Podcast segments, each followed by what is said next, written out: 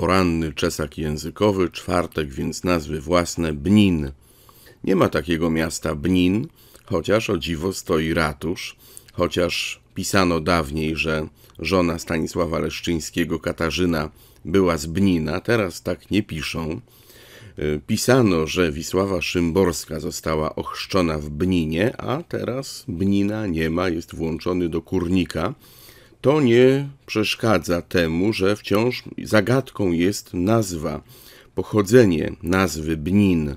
Mówiono, że może tam jest Bdnin, że tam jest beczka, bednarz robi beczki, ale nie ma na to dowodów. Być może jakieś tajemnicze ziele, albo ma to związek z drzewami, z roślinnością, z bukiem, jak dowodził Eugeniusz Mośko. Bnin bardzo ciekawy.